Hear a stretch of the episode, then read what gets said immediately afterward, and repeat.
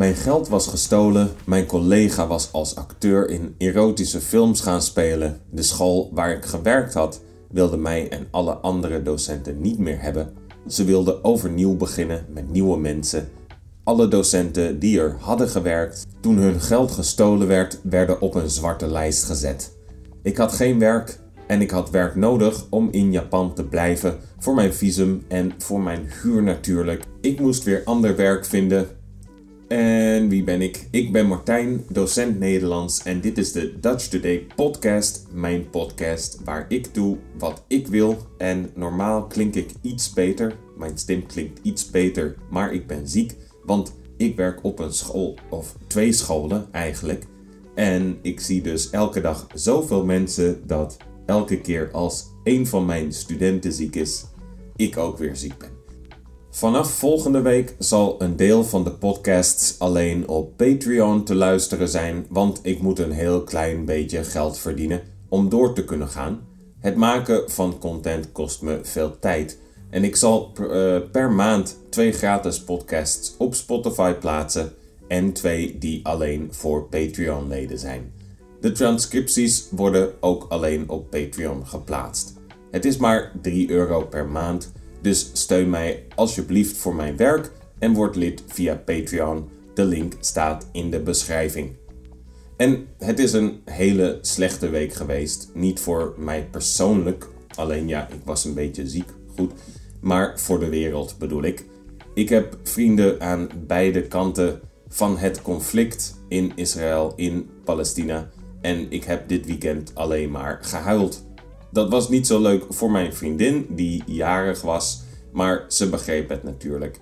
Ik heb gewoon heel veel gehuild voordat de gasten kwamen en nadat de gasten weer weg waren. Zo had zij toch een leuk feestje. Nee, dat is een grapje, want ik kan niet lang zonder grappen maken. En omdat het zo'n zware week was, wilde ik vandaag niet een heel serieus verhaal vertellen. Ik ga daarom vandaag verder over mijn leven in Japan. Ik wilde eigenlijk verder gaan over het docentschap, maar omdat dit mijn podcast, podcast is en ik de baas ben, heb ik besloten een omweg te nemen en te vertellen over wat ik verder in Japan gedaan heb. Toen ik uit het ziekenhuis kwam en aan de chemotherapie begon, had ik geen werk meer. Dat was niet meteen een probleem, want mijn oude baas betaalde voor de zes maanden dat ik niet kon werken mijn huur. Hij wist dat ik niet meer voor hem ging werken, want ik had ontslag genomen. Maar dat wilde hij graag voor mij doen, mijn huur betalen. Ondertussen zocht ik naar nieuw werk. Ik kon niet heel veel verschillende dingen doen, omdat mijn Japans niet goed genoeg was om voor een gewoon Japans bedrijf te werken, want die verwachtte perfectie. Daarom ging ik de buitenlanderbaantjes af in een bar werken, Engelse les geven aan volwassenen en voor model spelen. En ik zeg voor model spelen omdat ik niet echt een model was, of ik voelde me niet zo, maar ik had me ingeschreven bij een bureau en kreeg af en toe rolletjes als model voor Uniqlo of een reclame voor televisie bijvoorbeeld.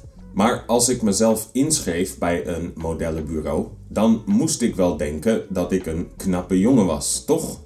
Nee, dat is niet waar. Ik had namelijk al een ervaring in Nederland. Ooit ben ik van straat geplukt door een scout. Een meisje vroeg me op straat of ik ooit als model gewerkt had en gaf me een kaartje. Ze hadden iemand nodig voor een reclame die gitaar kon spelen en dat kon ik en zo kreeg ik een rolletje in een reclame voor een grote verzekeringsmaatschappij. In die reclame speelde ik met verschillende mensen van alle leeftijden en lichaamstypes. Zo realiseerde ik me dat modellen er in alle vormen en maten zijn. Iedereen kon een model zijn als je maar een klein beetje kon acteren en instructies opvolgen.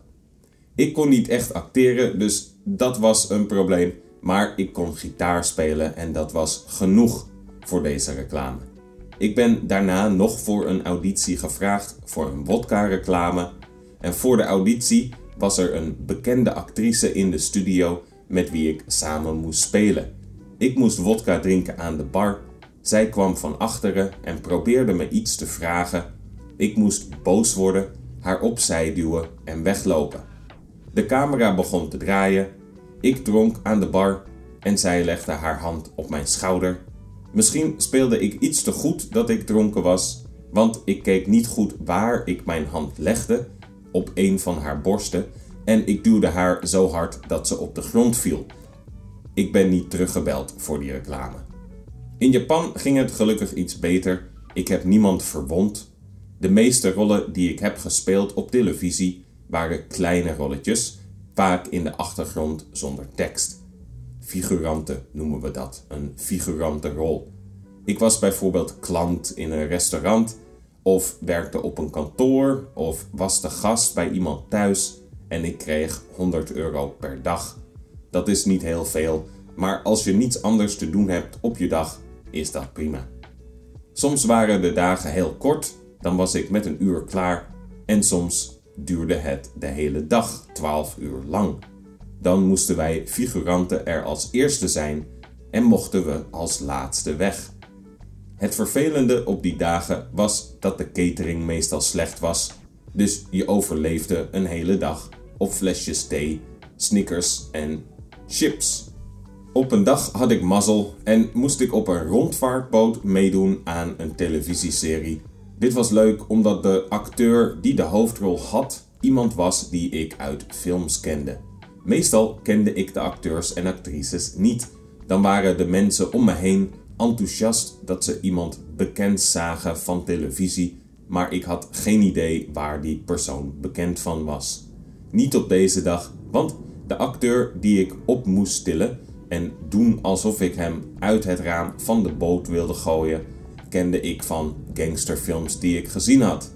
De scène speelde zich af tijdens een diner en de tafels in het midden van de boot stonden vol met sashimi en tempura. Tempura zijn gefrituurde groenten in deeg, iets dat de Japanners ooit van de Portugezen hebben overgenomen toen die in de 17e eeuw als christelijke zendelingen in Japan leefden. In de avond kregen we allemaal een warme maaltijd die besteld was bij een cateringbedrijf. En omdat Japan niet heel vegetariër vriendelijk is, hadden ze geen rekening gehouden met mensen die geen vlees aten. Ik en nog een meisje aten geen vlees, dus was er voor ons geen maaltijd. Daarom zei de regisseur: Eet dan maar van de dingen die op tafel staan. Dat was veel lekkerder dan de voorverpakte maaltijden, dus de rest van de mensen waren jaloers op ons. En als je goed naar de aflevering kijkt, zie je tussen de shots het eten op tafel steeds minder worden. Toen het filmen over was, mocht de rest ook van het eten op de tafel eten, maar de sashimi was onder de hete lampen van een mooi roze en rood naar bruin gegaan, dus ik hoop dat niemand daar ziek van geworden is. Het programma dat ik mij het beste herinner, omdat het misschien het leukste was, was een televisieshow over reizen. Een reisprogramma. Daarin waren twee mensen naar Nederland gegaan om verschillende dingen te zien en te doen en ik stond met drie presentatoren en een panel van comedians in de studio om te praten over de videobeelden. Ik moest Nederlandse woorden uitspreken die ook in het Japans bestaan, woorden die uit het Nederlands komen en commentaar geven op wat we in de videobeelden zagen. Het probleem was alleen dat ze alles via Google hadden gepland. Ze hadden op Google gezocht naar interessante plekken en fenomenen in Nederland zonder een idee over hoe bekend deze dingen waren. Daarom kende ik de meeste dingen niet. Ze wilden weten hoeveel het kostte om op een woonboot te wonen. Geen idee. Ze wilden weten waarom er treinen waren die achterstevoren reden, kleine treinen in kleine dorpen. Had ik nog nooit gezien. Hoe was het om in een molen te wonen? Hoe moest ik dat weten? Ik gaf het op, ik kon ze niet helpen. Ik zei nog dat de trein die achterstevoren reed, dat deed zodat hij makkelijker weer naar huis kon rijden op de terugweg, maar dat hebben ze eruit geknipt. En toen kreeg ik bijna ruzie met een van de comedians omdat hij zei dat je in Nederland geen hamburger zonder broodje kon krijgen en mijn moeder maakte die zelf altijd thuis. Interessant om te leren voor mij was wat Japanners over coffeeshops dachten. In Nederland is wiet, marihuana natuurlijk legaal, maar als Japanners in Nederland wiet roken, kunnen ze nog steeds in de problemen komen. Als de politie ziet dat ze in Nederland wiet gekocht hebben, worden ze gearresteerd, ook al is de wiet in Nederland gebleven. Al hebben ze het in Nederland allemaal opgerookt. Het maakt de Japanse politie niet uit dat ze het in Nederland gelaten hebben, ze mogen het nooit gekocht hebben. Illegaal is illegaal, ook als je het in een land doet waar het legaal is. Japan heeft een interessante historie met marihuana omdat het tot 1948 legaal was en zelfs belangrijk bij bepaalde boeddhistische rituelen. Maar in 1948, na de Tweede Wereldoorlog, wilde Amerika dat het overal illegaal zou zijn en Japan luisterde, net als veel andere landen. Tegenwoordig is wiet in veel Amerikaanse staten legaal. Misschien wordt het binnenkort zelfs op federaal niveau, nationaal, legaal. Maar in Japan is iedereen door 70 jaar van anti-wiet propaganda nog steeds zo bang voor de plant dat ze haar burgers vertelt dat het ook op plaatsen waar het legaal is, illegaal is voor Japanners. Natuurlijk kan de Japanse politie heel weinig doen wanneer het niet in Japan gebeurt, maar voor veel mensen is zo'n waarschuwing eng genoeg om het niet te doen. Het lijkt er ook niet op dat dit gaat veranderen. De boodschap van de Japanse overheid is nog altijd: wiet is gevaarlijk en verslavend en het zal je leven verwoesten. En of je nu van wiet houdt of niet, want dat is voor iedereen anders, dat het gevaarlijker is dan bijvoorbeeld alcohol, dat klopt niet. Het is ook heel handig voor de overheid in Japan. Dit gaat misschien een beetje klinken als een complottheorie, maar ik weet dat dit gebeurt. Het is namelijk een vriend van mij overkomen. Ik kende in Japan een zanger die soms wiet rookte en hij werd door de politie betrapt. Ze hebben hem meegenomen naar het bureau en een rapport geschreven. Daarna is hij weer naar huis gestuurd. Als je een bekende Japanner bent, begint dan je wachttijd. Je wordt namelijk niet gearresteerd. Het rapport over jou wordt bewaard. En op het moment dat zich een politiek probleem of een schandaal voordoet, wordt jouw rapport naar de pers gelekt. Die vergeten dan dit politieke schandaal, want de meeste mensen horen liever over schandalen van bekende entertainers dan over politiek. De entertainer biedt dan openlijk zijn of haar excuses aan en hoopt dat ze ooit een keer vergeven worden en weer als entertainer, entertainer kunnen werken. Ondertussen weet iedereen in de entertainmentwereld van elkaar dat ze drugs gebruiken of affaires hebben. Bijvoorbeeld, um, een van de comedians met wie ik het tv-programma over Nederland presenteerde, was niet veel later op het nieuws omdat hij geld van gangsters had aangenomen, van de Yakuza, om met ze uit eten te gaan en hen te entertainen. Daar was het publiek dan weer twee maanden mee bezig. Maar goed, zo zie je dat je nooit kunt ontsnappen van politiek. Ik wilde vandaag alleen over leuke dingen praten maar uiteindelijk kom ik weer op schandalen en corruptie. Ik ben in ieder geval met mijn televisiewerk gestopt omdat ik niet meer naar audities wilde gaan.